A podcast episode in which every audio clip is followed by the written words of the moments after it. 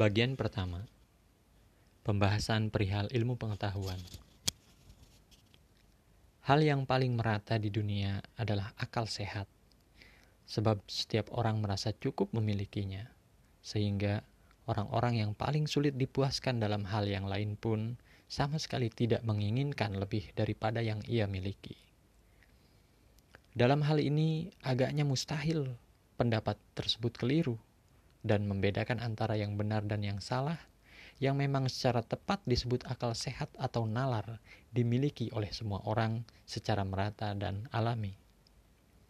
Dengan demikian, keanekaragaman pendapat timbul bukan karena orang-orang yang satu lebih bernalar daripada orang yang lain, melainkan semata-mata karena cara penalaran kita berlainan dan karena hal-hal yang kita pertimbangkan tidak sama.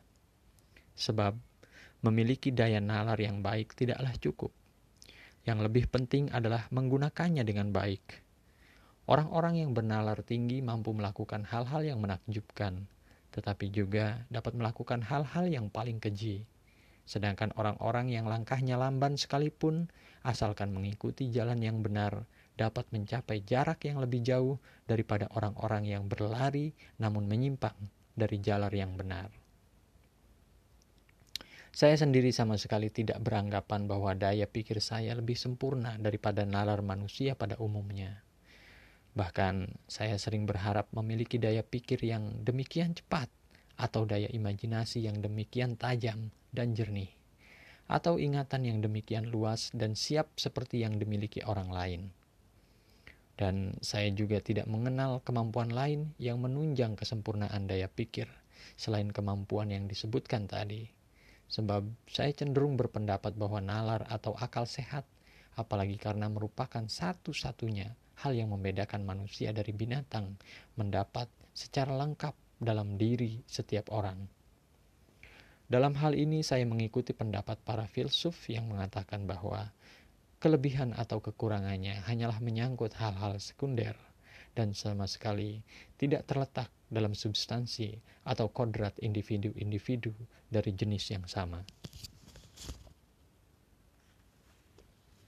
Meskipun demikian, saya tidak ragu-ragu mengatakan bahwa saya sangat beruntung telah menghadapi beberapa situasi sejak masa muda saya yang telah membimbing saya kepada beberapa pertimbangan dan prinsip dan dari itu, saya telah membangun metode penalaran saya. Dengan metode itu, menurut hemat saya, saya dapat menambah pengetahuan sedikit demi sedikit dan meningkatkannya secara berangsur-angsur ke tingkat paling tinggi yang mungkin dicapai oleh daya pikir saya yang sedang-sedang saja.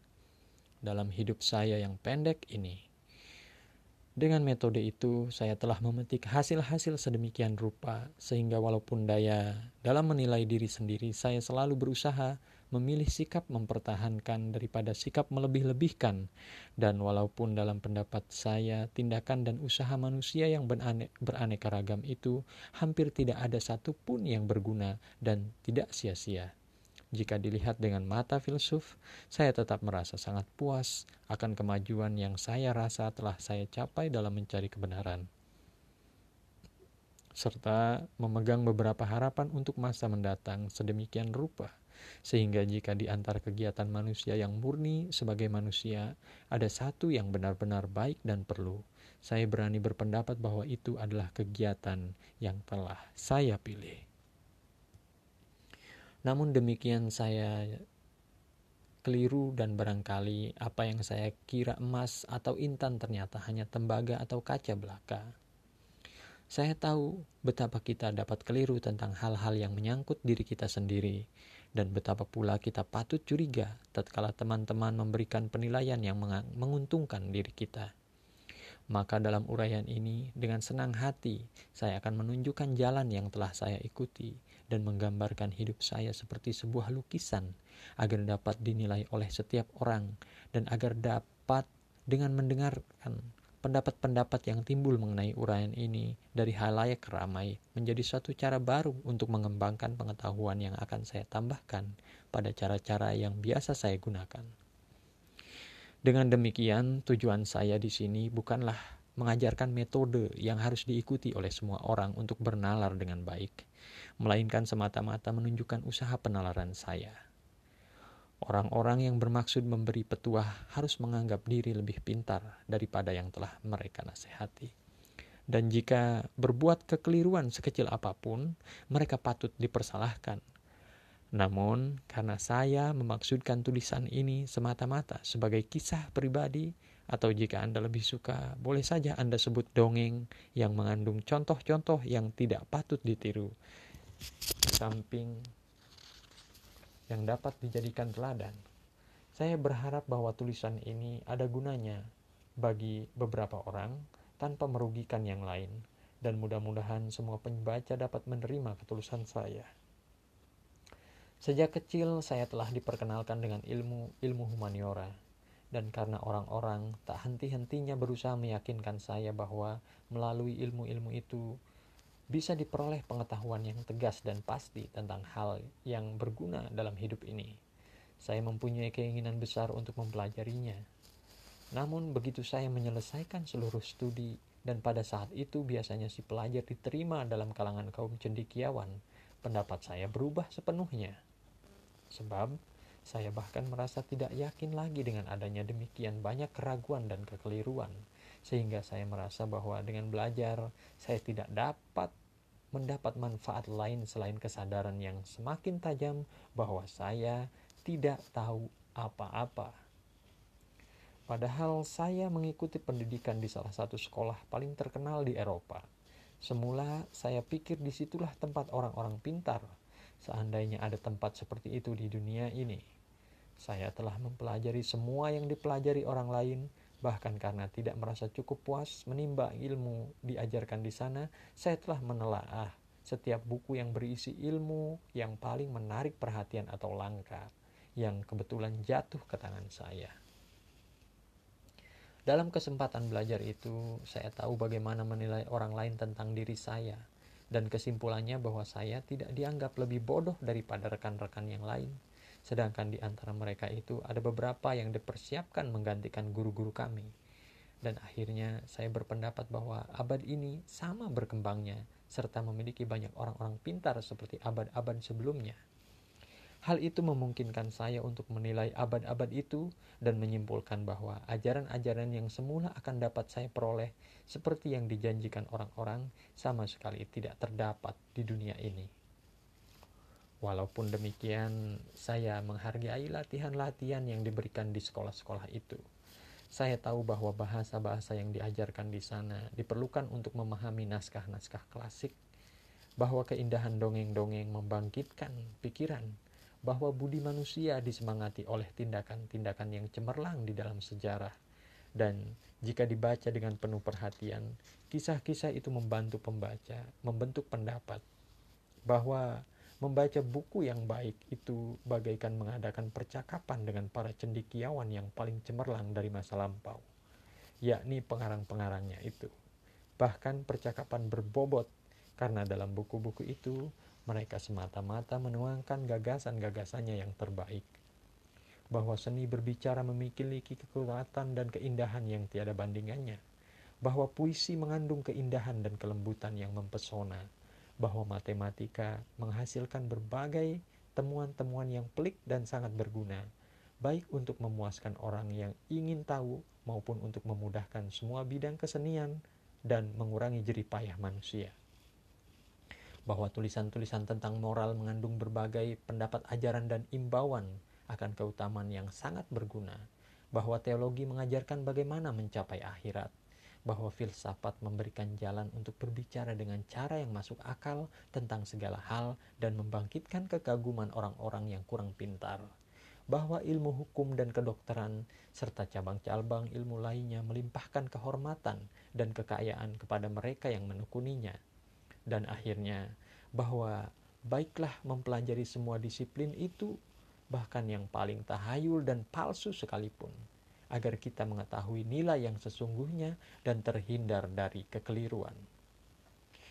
Namun rasanya telah cukup banyak waktu yang saya gunakan untuk belajar bahasa dan membaca buku-buku kuno, mempelajari sejarah dan dongeng-dongeng mereka. Memang Bercakap-cakap dengan cendekiawan dari masa lampau itu hampir sama dengan berkelana. Banyak manfaatnya mengenal adat istiadat berbagai bangsa. Agar kita dapat menilai budaya kita sendiri secara lebih wajar, dan agar kita tidak beranggapan bahwa segala sesuatu yang bertentangan dengan kebiasaan kita adalah konyol atau berlawanan dengan nalar. Seperti anggapan orang-orang yang tidak pernah mengenal negeri lain, namun, bila terlalu banyak waktu digunakan untuk berkelana, seseorang akan menjadi asing di negerinya sendiri. Dan bila seorang asik mempelajari hal-hal yang menjadi kebiasaan di masa lalu, ia akan menjadi asing terhadap kebiasaan zamannya sendiri. Lagi pula, dongeng-dongeng membuat kita menghayalkan berbagai peristiwa seolah-olah memang terjadi, meski sebenarnya tidak demikian. Bahkan tulisan-tulisan sejarah yang sangat bisa dipercaya sekalipun, kalaupun tidak mengubah atau memberi nilai tambah pada peristiwa yang terjadi agar lebih layak dibaca. Sekurang-kurangnya selalu menghilangkan rincian yang dipandang rendah atau kurang pantas. Akibatnya, yang tersisa tidaklah menampilkan kenyataan yang sebenarnya. Dan orang-orang yang membentuk adat istiadat dengan mengambil teladan dari naskah-naskah itu akan terjerumus ke dalam kebiasaan berlebihan yang khas bagi kesatria dalam roman zaman kita dan mengangankan cita-cita yang melampaui kemampuan mereka.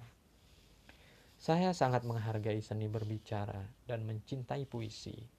Namun saya percaya bahwa keduanya merupakan pembawaan, bukan hasil belajar Orang-orang yang memiliki daya nalar tinggi dan mampu mengatur pikirannya dengan cara yang sebaik-baiknya agar menjadi jelas dan mudah dimengerti, selalu juga paling mampu meyakinkan orang lain tentang hal yang mereka ungkapkan. Sekalipun mereka berbicara dengan dialek, Bretagne, kasar, atau tidak pernah mempelajari seni berbicara sekalipun dan orang-orang yang mengajukan ide-ide baru paling menyenangkan dan pandai mengungkapkannya dengan hiasan-hiasan dan kelembutan yang paling memukau tentu adalah penyair yang paling hebat kendati tidak kenal akan seni saja. Saya terutama gemar matematika karena kepastian dan kegamblangan dasar-dasar penalarannya. Namun, saya belum melihat kegunaannya yang sesungguhnya. Dan karena saya mengira bahwa matematika hanya berguna untuk mekanika, saya menjadi heran, mengapa di atas dasar yang demikian tegas dan kokoh itu belum juga dapat dibangun sesuatu yang lebih maju lagi. Sebaliknya, jika saya bandingkan karya-karya penulis kuno, penyembah berhala yang memperbincangkan moral adalah sangat mengagumkan dan bagaikan istana indah yang dibangun hanya di atas pasir dan lumpur. Karya-karya itu mengagumkan keutamaan-keutamaan di atas segala hal duniawi, tetapi mereka tidak mengajarkan secukupnya cara mengenal keutamaan-keutamaan itu. Dan bahkan apa yang mereka sebut dengan nama yang demikian indah itu, kebajikan, tidak lebih daripada ketegaran yang kaku, kebanggaan, keputusasaan, atau naluri untuk membunuh bapaknya sendiri. Saya mengagumi teologi seperti semua orang, berharap dapat masuk surga, namun setelah mendengar berbagai hal yang sangat pasti bahwa jalan ke surga sama terbukanya bagi orang-orang yang tidak berpengetahuan maupun orang-orang yang paling terpelajar sekalipun dan bahwa kebenaran-kebenaran yang diwahyukan yang mengantar ke surga melampaui pemahaman manusia. Saya tidak berani menelaahnya dengan nalar saya yang lemah. Dan saya percaya bahwa untuk mempelajari hingga berhasil diperlukan suatu pertolongan ilahi yang luar biasa dan kemampuan mengatasi kodrat manusia. Saya tidak ingin mengatakan apa-apa tentang filsafat, selain bahwa saya tidak berharap akan mencapai hal yang lebih baik daripada orang-orang lain. Sebab, walaupun bidang ini telah ditekuni oleh pakar-pakar cemerlang sepanjang abad-abad yang lalu, masih saja tidak dapat satu hal pun yang tidak mungkin diperdebatkan, dan karenanya tetap diliputi ketidakpastian. Lagi pula mengingat bahwa terdapat demikian banyak pendapat yang berlainan di antara para cendikiawan tentang satu hal yang sama, padahal tentunya hanya satu pandangan saja yang benar. Saya menyimpulkan bahwa sesuatu yang sebenarnya palsu sudah hampir pasti keliru. Mengenai bidang-bidang ilmu lainnya, mengingat bahwa prinsip dasarnya diambil dari filsafat, saya menduga bahwa di atas sesuatu yang demikian rapuh tidak mungkin dibangun sesuatu yang kokoh baik kehormatan maupun keunggulan, keuntungan yang dijanjikan oleh bidang-bidang ilmu itu tidak cukup mendorong saya untuk mempelajarinya. Syukurlah bahwa saya tidak terdesak kebutuhan sehingga harus mencari nafkah dengan terjun di bidang-bidang ilmu tersebut. Selain itu, walaupun saya tidak mempunyai kebiasaan meremehkan kehormatan seperti kebiasaan kaum pengejek, saya tetap tidak berminat akan kehormatan yang saya duga hanya dapat saya peroleh dengan cara yang tidak benar. Akhirnya, tentang doktrin-doktrin sesat itu, saya percaya telah cukup mengetahui manfaat yang sebenarnya, sehingga tidak akan terperdaya baik oleh janji-janji makhluk ahli kimia atau alkemis, prediksi ahli nujum, tipuan tukang sulap, maupun kelicikan atau pembualan yang mengaku lebih tahu daripada yang sesungguhnya mereka ketahui. Oleh sebab itu, begitu saya mencapai usia yang memungkinkan untuk lepas dari pengawasan guru-guru saya, segera saya tinggalkan segala usaha menekuni studi kesusastraan. Dengan tekad untuk tidak menuntut ilmu selain yang bisa saya dapat dari dalam diri saya sendiri.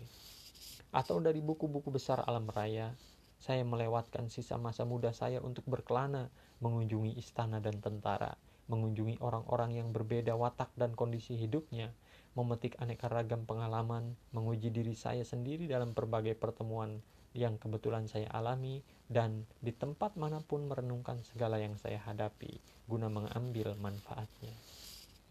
Rasanya saya dapat menemukan kebenaran yang lebih hakiki di dalam penalaran setiap orang dalam menghadapi masalahnya sendiri. Sebab jika diperhitungkannya keliru, ia akan menanggung akibat yang merugikan sesudahnya daripada dalam penalaran seorang cendekiawan dari balik mejanya tentang spekulasi-spekulasi yang tidak membuahkan kenyataan. Satu-satunya hasil yang diperolehnya hanyalah bahwa barangkali ia menjadi kian takabur, sehingga makin kehilangan akal sehat karena harus menggunakan baik budi maupun muslihat untuk menjadikan spekulasinya tampak masuk akal. Dan saya sangat ingin belajar membedakan antara yang benar-benar dan yang tidak benar, supaya saya mempunyai pandangan yang jelas dalam melakukan tindakan saya dan pendapat mendapatkan kepastian dalam hidup ini. Memang benar bahwa selama saya hanya mengamati adat istiadat bangsa-bangsa lain, saya tidak menemukan hal-hal yang dapat saya anggap sebagai kepastian, dan bahwa selama itu saya melihat keaneka, keanekaan yang hampir sama banyaknya dengan yang saya temukan di antara pendapat para filsuf. Dengan demikian, keuntungan terbesar yang dapat saya peroleh darinya adalah bahwa dengan melihat banyak hal yang bagi kita terasa berlebihan atau tidak masuk akal, namun tetap diterima dan disetujui oleh banyak bangsa lain. Saya belajar untuk tidak terlalu mempercayai hal-hal yang hendak ditanamkan ke dalam keyakinan saya hanya berdasarkan teladan dan kebiasaan-kebiasaan semata. Demikianlah secara berangsur-angsur saya membebaskan diri dari banyak kekeliruan yang dapat mengaburkan cahaya alami kita dan membuat kita kurang mampu memahami kebenaran. Namun, setelah saya belajar bertahun-tahun dari buku alam raya dengan cara semacam ini dan berusaha mencapai pengalaman sekadarnya, pada suatu hari saya membulatkan tekad untuk belajar dari diri saya sendiri dan mengerahkan seluruh daya budi saya untuk memilih jalan yang harus saya tempuh. Dan prosedur ini saya nilai lebih berhasil daripada jika saya tidak keluar dari negara saya atau menjauhi buku-buku saya.